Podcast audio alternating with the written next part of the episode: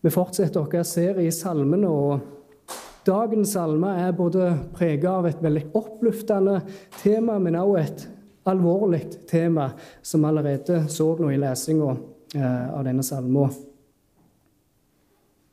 Det er et stort fokus i denne salmen der det er lovprisning for seier og frelse fra fienden. Og En kan mest sammenligne salmen 9 litt som det når en ser supportere synger og jubler for fotballaget sitt som vant. Men så klart, salme 9 er jo en mye bedre sang enn noen fotballsanger er. Så Et stort fokus i denne salmen er lovprisning til Gud, som viser sin godhet imot David Eh, på en sånn måte at eh, Gud frelste han ifra hans fiende. Og vi vil også se at Gud er en rettferdig dommer som dømte hans fiende. Jeg har delt denne salmen inn i to deler som vil forme det som vi skal fokusere på i dag. Der i den første halvdelen av salmen eh, så ser vi David som lovpriser Gud for at han ga David seier. Og i den andre delen av salmen så skal vi se at det, det, er nettopp dette, det at Gud ga David seier og frelste han ifra fienden, er noe som gir David tro på at, og frimodighet til at han på ny kan komme til Gud med bønn om å frelse. Så for de som eventuelt tar notat, kan jeg notere ned disse to punktene, som er lovprisning for frelse, og også bønn om å frelse på ny.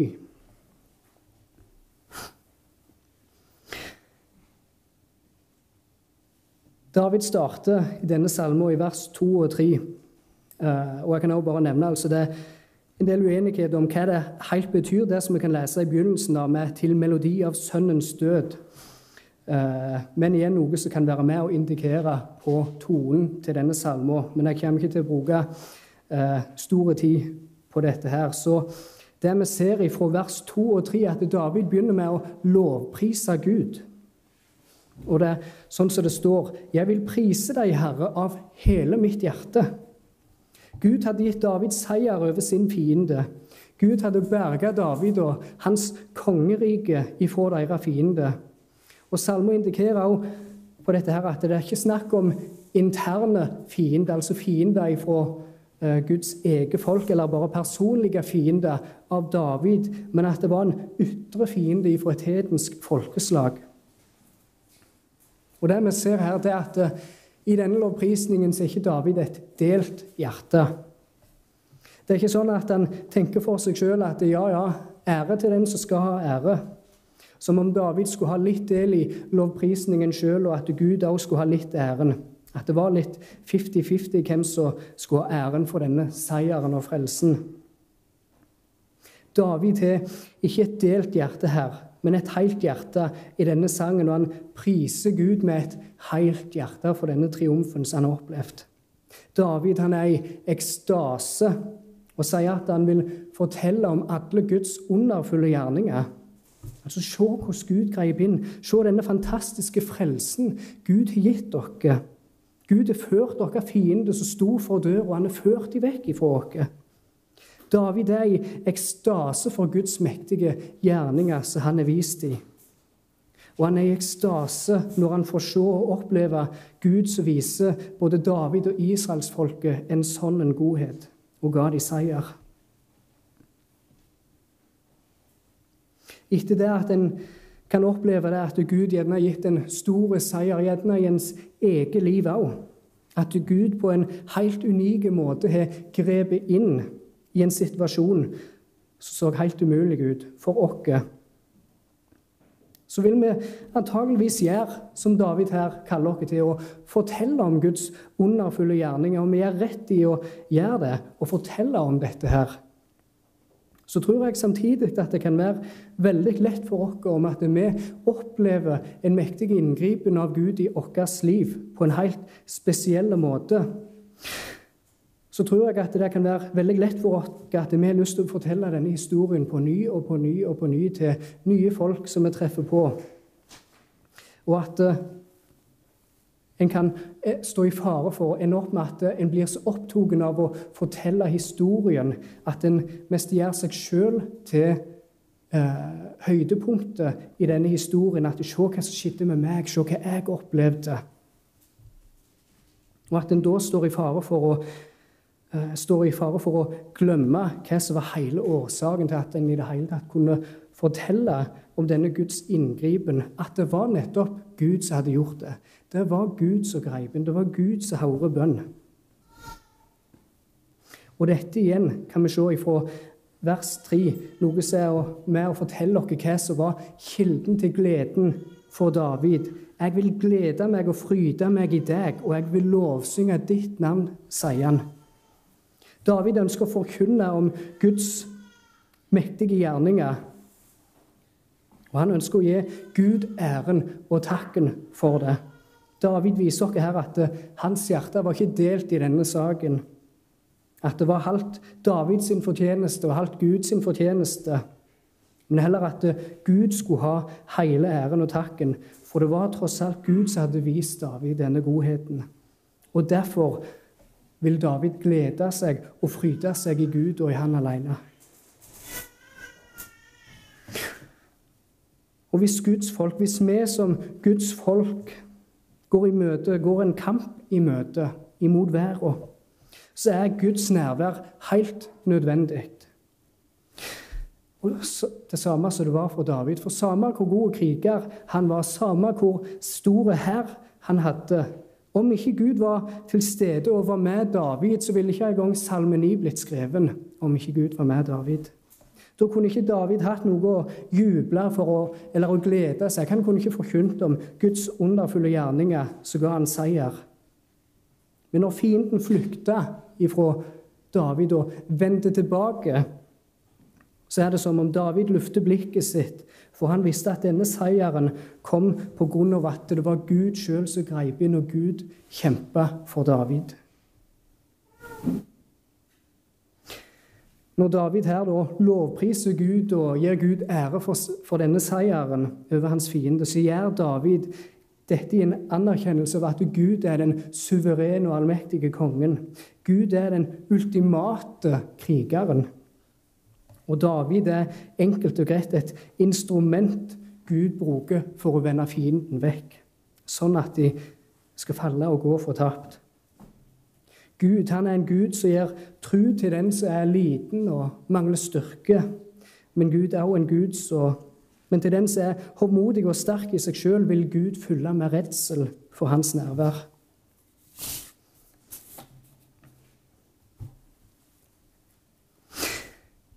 I denne salmen ser vi også at David legger stor vekt på at Gud er en Gud som dømmer, og at Gud gjør det i rettferdighet. Gud han dømmer Davids sine fiender, sånn at de må flykte for Guds åsyn og nærvær.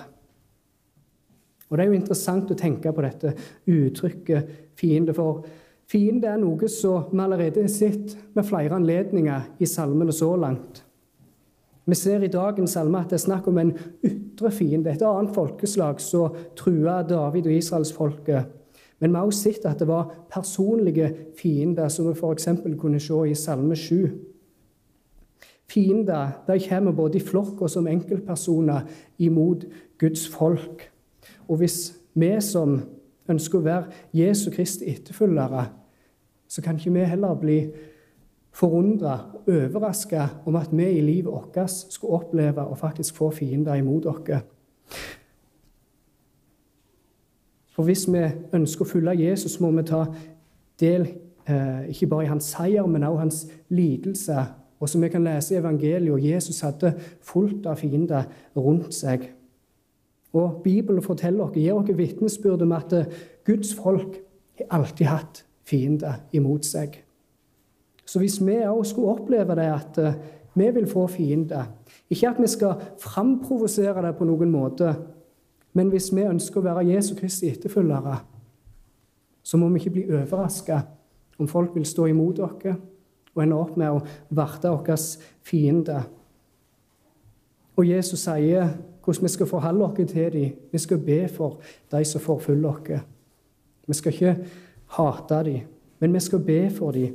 Og David viser oss også i denne salmen hvordan vi skal forholde oss til vår fiende.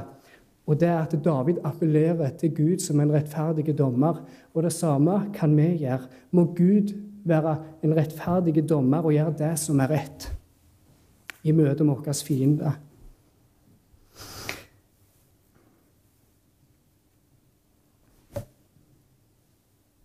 Og framfører fienden så taler Gud David sin sak, som vi kan se i vers 5. For du har befesta min rett og min sak. Du satt på tronen, og du dømte med rettferdighet. Om fiendene ville angripe David, om de ville knuse hans kongerike og fjerne han som konge, så sto Gud på Davids side og kjempa for han, akkurat som Gud allerede hadde gjort for Israels folk i lang tid. For David så handla ikke dette om å stole på en rettferdig sak i seg sjøl. Det at han var Guds salve, og Gud hadde valgt David ut til å være konge over Israel. Men det han satte sin tillit til, det var til Gud, han som befesta Davids rett. Det var Gud som David stolte på, for Gud er den som befester David sin rett og hans sak.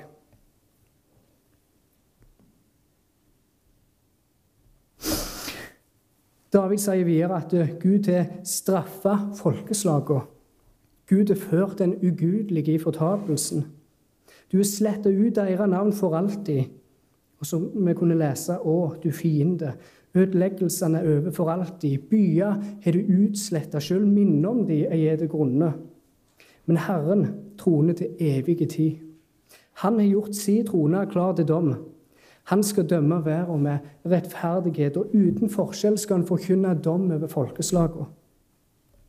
Hvem denne fienden som David sto ovenfor, er litt uvisst. Vi får ikke navnet på denne fienden, om det var filister eller hetittene eller noe annet folkeslag. Eh, er litt uvisst, men det som iallfall kan forstå ut ifra denne salmen, det var at det var en fæl fiende. Det var en forferdelig fiende. Et mektig folk, en mektig hær som knuste all motstand i sin vei og marsjerte med hæren sin fra by til by og la de i grus, én etter én. Og med dette her ville de lage et navn for seg sjøl. Men hvem enn, samme hvem denne fienden var, og hvor stor og fryktinngytende hær de eventuelt hadde, så var det likevel ingen match for Gud, samme hvor stor og mektig denne fiendeherren var. Gud så ikke ned på denne fiendeherren i frykt, men han så ned på dem for å dømme dem og for å knuse dem. En fiende her som førte ødeleggelse hvor de enn marsjerte, og så det står, sjøl minnet om disse byene som de knuste, ble vekke.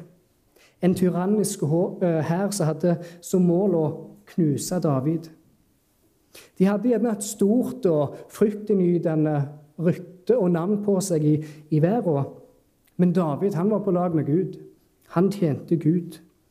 David tjente en Gud som kjempa hans kamp og ga seier til han og israelsfolket.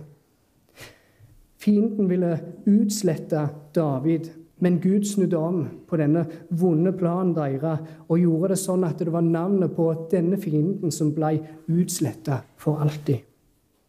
Så gjerne òg kan være en god grunn til at vi ikke vet spesifikt hvem det er. Er det noe vi kan lære av salmene, så er det at eh, Gud er ingen pasifist. Gud er en kriger, en mektig kriger, som kjemper på vegne av sitt folk og fører krig imot deres fiender. Folkeslaget som sto imot David, de hadde gjort klar en dom mot han og israelsfolket. Men Gud han er han som troner til evige tid.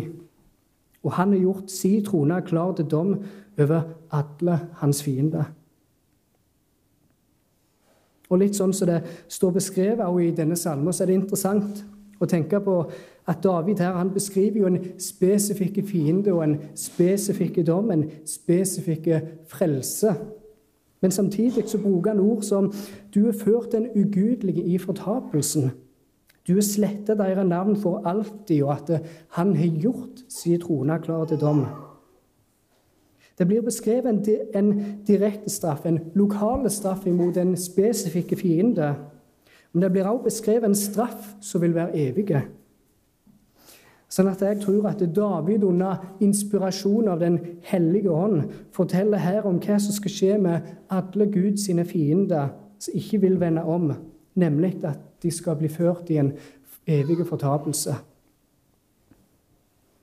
Og Det er interessant å se også i, i apostelgjerningene 17 om ikke Paulus nødvendigvis siterer direkte her i sin tale, så vi, kan vi lese der at Paulus sier sannelig, disse uvitenhetens tider har Gud båret over med. Men nå befaler han at alle mennesker, alle steder, skal omvende seg. Og hør nå, for han har fastsatt en dag da han skal dømme verden i rettferdighet. Akkurat det samme som vi kunne lese salmen i. Ved den mannen som han har innsatt, han har gitt alle grunnlag for å tro dette ved å oppreise ham fra de døde. Paulus anvender det samme som David her snakker om, for David snakker om en dom som skal gjelde ut mot alle folkeslag. Og Paulus anvender dette her på samme måte og sier at Gud en dag skal dømme verden i rettferdighet, og at han skal gjøre det ved den mannen som han er oppreist ifra de døde, sin sønn Jesus Kristus. Gud skal dømme verden i rettferdighet, og uten forskjell skal Gud forkynne dom over alle folkeslag som reiser seg imot ham. For Gud er Han som sitter på sin trone til evige tid. David sier også at fienden sin ødeleggelse er forbi. Gud er utsletta deres navn for evig. Så passer veldig godt med det som en kan lese i ordspråkene 10.7, der det står at Minnet om den rettferdige gir velsignelse, men de ugudeliges navn skal råtne bort. Det er de ugudelige som skal fjernes. Men de som setter sin lit til Herren, det er de som skal bli frelst og bli bevart. Gud vil ikke bare vise seg som en dommer mot de ugudelige, men han vil også vise seg som en tilflukt for de som er undertrykte. En tilflukt i trengselstider, som det står i vers 9. Se Gud, så finner vi tilflukt, og vi finner fred, og vi finner frelse. Guds navn er et sterkt tårn som de rettferdige springer til, og er trygge, som ordspråken 18 sier. I all form for fare og i all form for trengsel så vil Gud alltid være en tilflukt for de som søker Han og stoler på Han. Og de som kjenner Guds navn, de som kjenner Gud og vet at Han er en trygg tilflukt, de vil sette sin lit til Han og stole på Han. At han vil berge dem ifra trengsel, og at Gud aldri vil svikte dem. Og denne sannheten her er noe som er verdt å lovprise Gud for.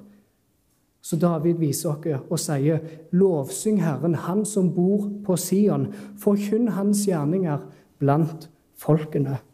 Lovsyng Herren, forkynn om Hans gjerninger. Fortell nasjonene om Guds fantastiske frelseshandlinger og hans enorme godhet imot dere. Forkynn om det, og la det bli kjent for alle mennesker hvor store og gode Gud vi er. Vi kan lese salmer som dette, og vi kan lese andre historier fra Bibelen. Eller vi kan høre andre historier om hvordan Gud i dag ved flere anledninger griper inn på en helt overnaturlig måte og redder mennesket ifra en stor fare. Store og flotte vitnesbyrd som forteller oss og viser oss hvordan Gud gjennom historien frelser sitt folk.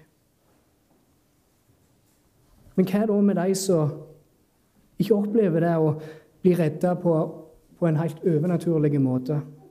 Hvem er de som må lide for trua si på en fæl måte og ofte må miste livet sitt? Og Det er da jeg syns det er veldig flott å se at David har disse folka òg med i tankene når han skrev denne salmen. For etter at David har kalt dere til å forkynne om Guds underfulle gjerninger iblant folkeslag, og så sier han så sier han i vers 13.: For når han hevner blod, husker han dem. Han glemmer ikke ropet fra de ydmyke. En kan godt begynne å lure på hvorfor noen må oppleve det å lide martyrdøden.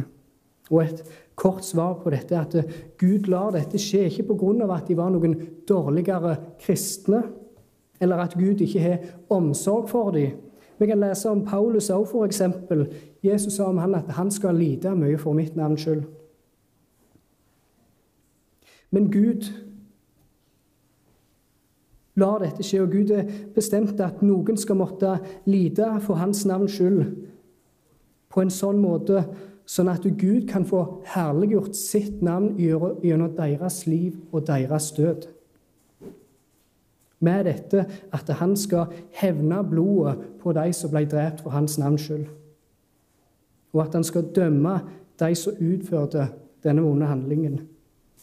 Gud vil herliggjøre sitt navn på denne måten. Og Gud vil hevne blodet til martyrene nettopp av at Gud hører deres bønn. Deres bønn og deres tro og liv det er kjærkomment fra Gud. Og Gud har omsorg for dem. Han har ikke glemt de som må lide for hans navns skyld. Men det han er lovt, er at han vil hevne deres blod. For hevnen tilhører Herren.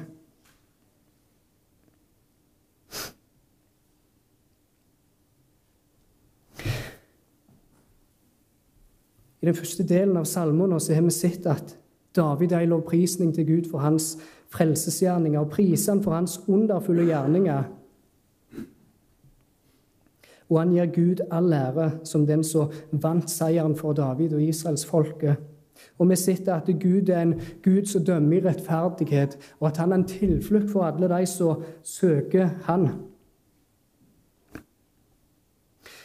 Og dette er ikke snakk om bare et engangstilfelle, men dette her er mektige gjerninger Gud har vist dere gjennom hele historien. Og dette er noe som David kan se tilbake på, hvordan Gud har både frelst han, hvordan han har frelst israelsfolket gjennom historien så langt. Og dette her er med å gjøre David et grunnlag for at eh, han kan fortsatt stole på at Gud vil beskytte og bevare og frelse i framtida. Sånn at han nå, komme, i siste delen av salmen, skal komme fram til bønn eh, om å bli frelst på ny. Og Det er da vi kan lese fra vers 14 av Vær meg nådig, Herre. Se hvordan jeg, blir plaget av dem som hater meg. Du som løfter meg opp fra dødens porter, så jeg kan kunngjøre all din pris i portene til Sions datter. Jeg vil fryde meg i din frelse. David har sett Guds mektige handlinger uh, gjennom historien allerede i sitt eget liv. Men trengsel og nye farer vil fremdeles komme.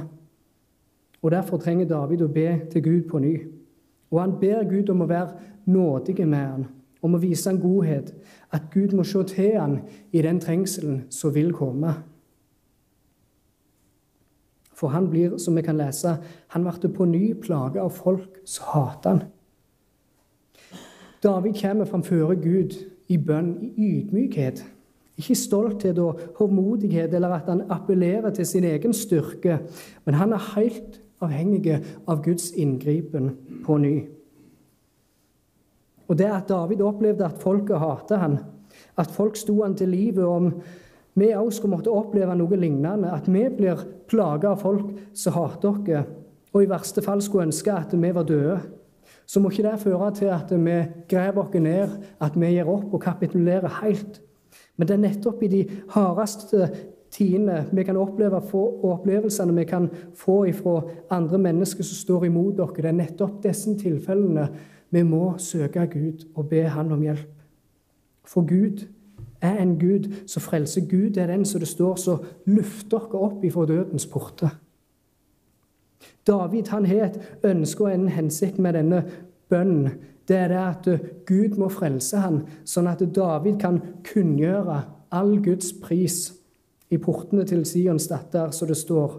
Som da vil si å kunne kunngjøre eller forkynne om Guds gjerninger iblant forsamlinga av de hellige må Gud frelse på ny, sånn at jeg på ny kan fortelle om dine gjerninger, Gud, iblant ditt folk og lovprise ditt navn.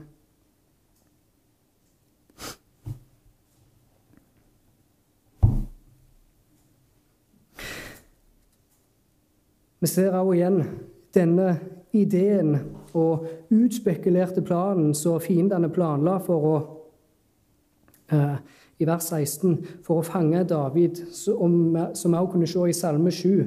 At eh, denne planen som de konspirerte imot David, denne planen og fedla endte opp med å bare lande på deres eget hode. Så det står 'grava de gravde', den datt de ned i sjøl. Og gardene de gjorde klart for å fange David, det ble deres egen fot fanga i den samme fedla. Gud er en Gud som ikke lar seg sporte. Det er en sår vil en òg hoste. Hedningene gravde sin egen grav. De satte opp sin egen fedle og ble fanga i den sjøl. Og forstå meg, billedlig sett, Gud henger alle som oppfører seg som Haman.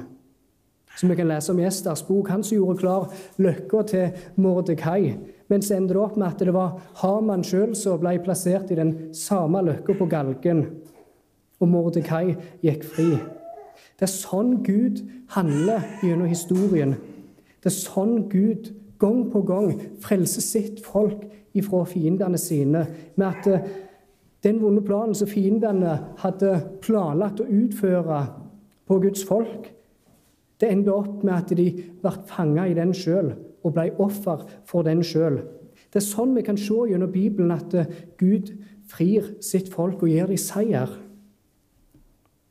Og tenk bare over dette her noe som uttrykket higaion sela mest sannsynligvis eh, står for. Tenk på dette, for det er sånn Gud handler. Med at den vonde planen som ble konspirert imot Guds folk, endte opp med å bare bli til at fienden heiv en stein opp i lufta bare for å bli truffet av den samme steinen.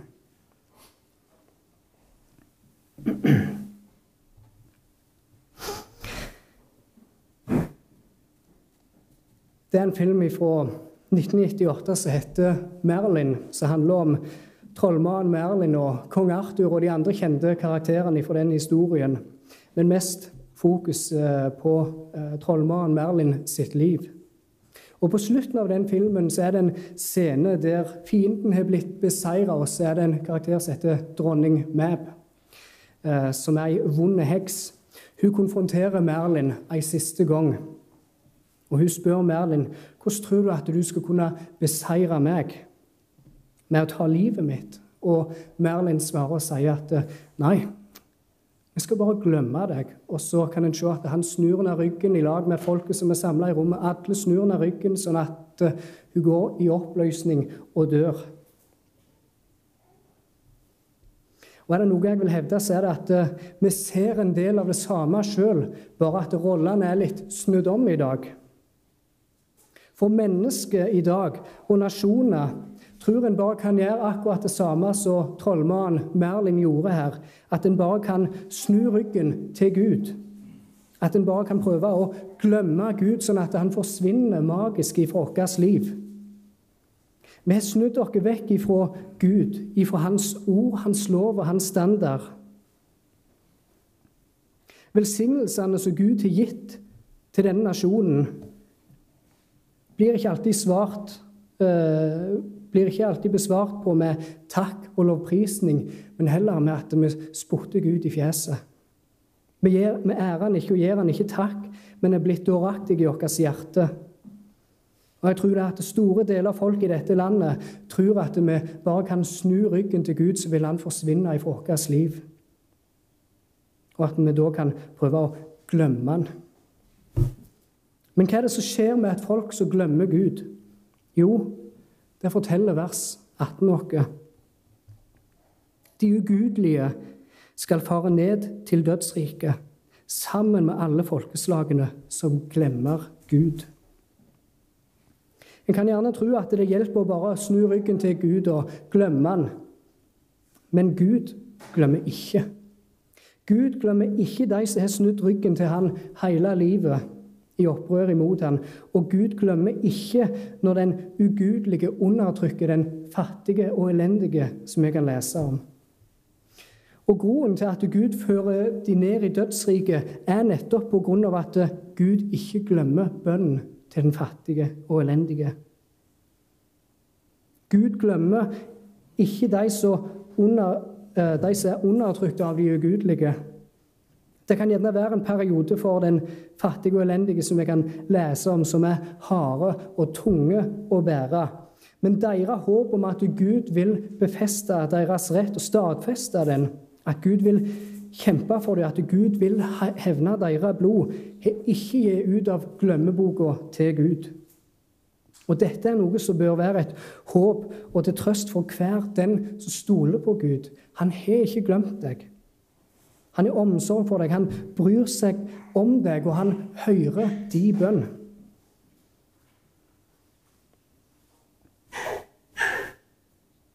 I slutten av Salme 9, i denne bønnen til David, så ser vi at David kaller Gud til å reise seg. Han ber Gud om å reise seg og sier, 'Reis deg, Herre, La, eh, la ikke mennesket få overmakten.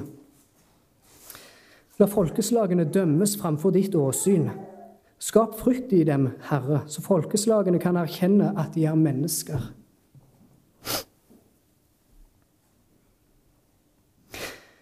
David sitter tilbake på Guds mektige inngripen i hans liv, der Gud med mange anledninger har reddet han ifra farlige situasjoner, ifra en fæl fiende.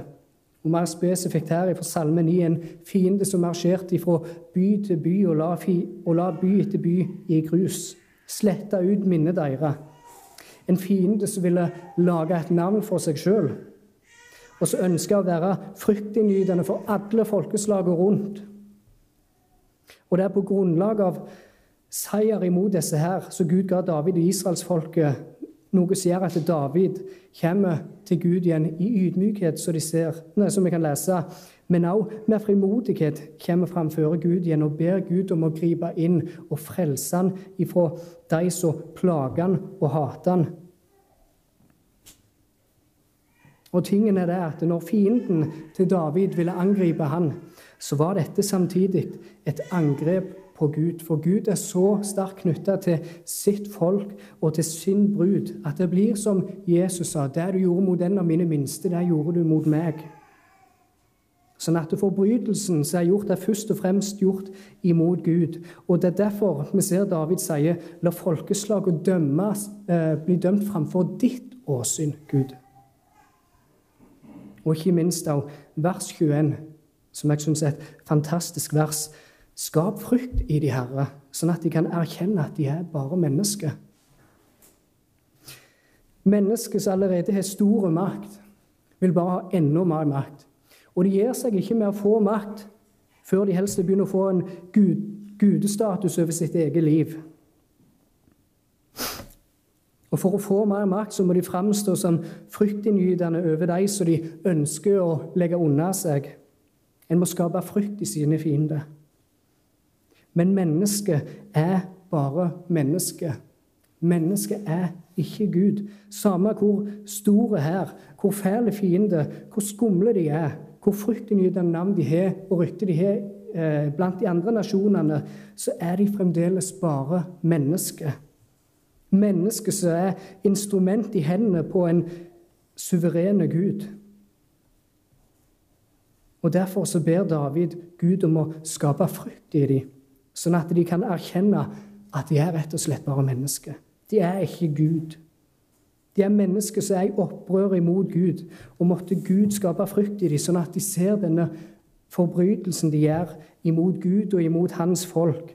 En handling som Gud ikke vil glemme, av at Gud er en Gud som hører bønnen til de ydmyke.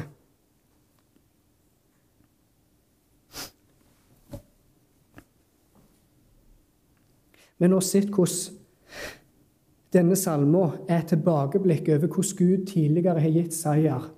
Og at dette her er noe som gir grunnlag for at David på ny kunne be Gud om å gripe inn i denne situasjonen som han sto overfor med disse folka som plagte han, uh, plagte han og hatet han. Ei salme som er preget av både lovprisning og ei bønn til Gud. Ei salme der David ber Gud om å reise seg, vise seg som den rettferdige dommeren han er, og gjøre det som er rett. Jeg vil til slutt òg trekke fram to viktige applikasjoner som vi får ut fra denne salmen. Og Det kan godt oppsummeres på to enkle utsagn. Det ene er 'husk på Gud', og det andre er 'glem ikke Gud'. Når vi som Guds folk står framfor et problem, om det er i vårt personlige liv, eller om det er i menigheten, eller om det er som en del av større Kristi legeme her i landet, så har vi ingen grunn til å grave oss ned, kapitulere og gi opp. Og vi har ikke noen grunn til å ikke kunne stole på at Gud på ny vil gripe inn i vårt liv. For vi tjener en Gud som gjennom historien har vist seg å være en Gud som er trufaste til sitt folk. Og han hører bønnen til hans barn. Og Vi kan jo lese om Det gamle testamentet, at Israel for israelsfolket på si vandring med flere tilfeller, når Gud grep inn og hjalp dem, så setter de opp alter der etter der og, set, og ga navn til disse forskjellige alter, som skulle forklare at Gud hjalp oss der og der som et tegn og et minnesmerke for dem. Noe som skulle gjøre at de kunne se tilbake og huske på det at eh, Gud er med oss. Gud er med oss. Og ikke bare historien om israelsfolket, men vi har jo tross alt ei hel bok som forteller oss om en Gud som hører bønnene til sitt folk og griper inn i farene de måtte stå ovenfor. Og jeg tror at vi òg jeg tror at vi òg i vårt egne liv kan se tilbake til forskjellige tilfeller der Gud har strekt ut ei hjelpende hånd. I tilfeller der vi så på situasjonen som helt håpløs, noe vi ikke klarte å gjøre noe med. Vi kan gjøre sånn som israelsfolket og sette opp minnesmerker, om du vil, i vårt egne liv, så vi kan se tilbake på og huske på at eh, der var Gud med og hjalp. Der grep Gud inn. Der kom Gud med ei hjelpende hånd til meg når alt så så mørkt ut. Og disse minnesmerkene vi kan sette opp eh, over vårt eget liv, skal være til trøst for oss. Det skal være en påminner for oss som skal hjelpe oss til å huske på at eh, når vi vil møte på fare i framtida, så har vi en Gud som hører vår bønn, og, stå, og han står klar til å kjempe for oss. Og han står klar til å hjelpe oss. Akkurat så David har vist dere i denne salmen. Vi er kalt til å huske på Gud og ikke glemme Han. Og hvis vi lar være å tenke over alle de gangene der Gud var med og hjalp oss, eller hvis vi ser tilbake på disse ulike tilfellene i livet vårt og konkluderer med at, at det der klarte jeg helt på egen hånd Det der var et verk av mine hender, og jeg trengte ikke hjelp av Gud til det ja, da står en i fare for å ha glemt Gud om en ikke allerede har gjort det. Og En måte som jeg tror mange i dette landet allerede har glemt Gud på, det er at eh, vi tilber det vi tror er Gud, men som heller viser seg å bare være en Gud som er skapt i ens eget bilde. En tilber en Gud som sier at synd ikke er synd, en, men heller en velsignelse og en tilber en Gud som ikke dømmer, noe som David har vist dere i denne salmen at Gud gjør. Og en tilber en Gud som er en av mange veier til frelse. Men jeg tilber ikke lenger den sanne, levende Gud som er for åpenbart for oss i Bibelen. Og Det er derfor igjen David med flere anledninger i denne salmen kaller oss til å tilbe den sanne, levende Gud, som vi kunne lese Lovsyng Herren, Han som bor på Sion. Forkynn Hans gjerninger blant folkene, og tilbe den sanne, levende Gud. En ser gjerne på denne velstanden som Norge er blitt så rikt velsigna med. Og en ser tilbake på dette her og konkluderer med at dette her er jo noe som vi har fått til med våre egne hender. Vi klarte jo å finne olja vi er, en, vi er, jo et demokrati. Vi er jo en velferdsstat. Det er derfor det er så godt som det er i Norge. En ser tilbake på disse tingene og tenker at det er av vår egen fortjeneste. Men en har glemt at eh, vi hadde ikke hatt det så godt hadde det ikke vært for at Gud i sin nåde og godhet hadde velsignet oss på en så stor måte som han har gjort.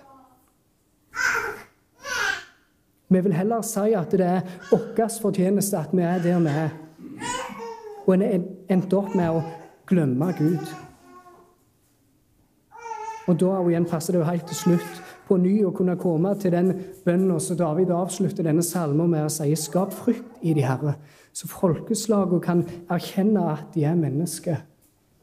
Ja, måtte Gud skape frykt i oss som bor her, sånn at vi ser at vi er bare mennesker.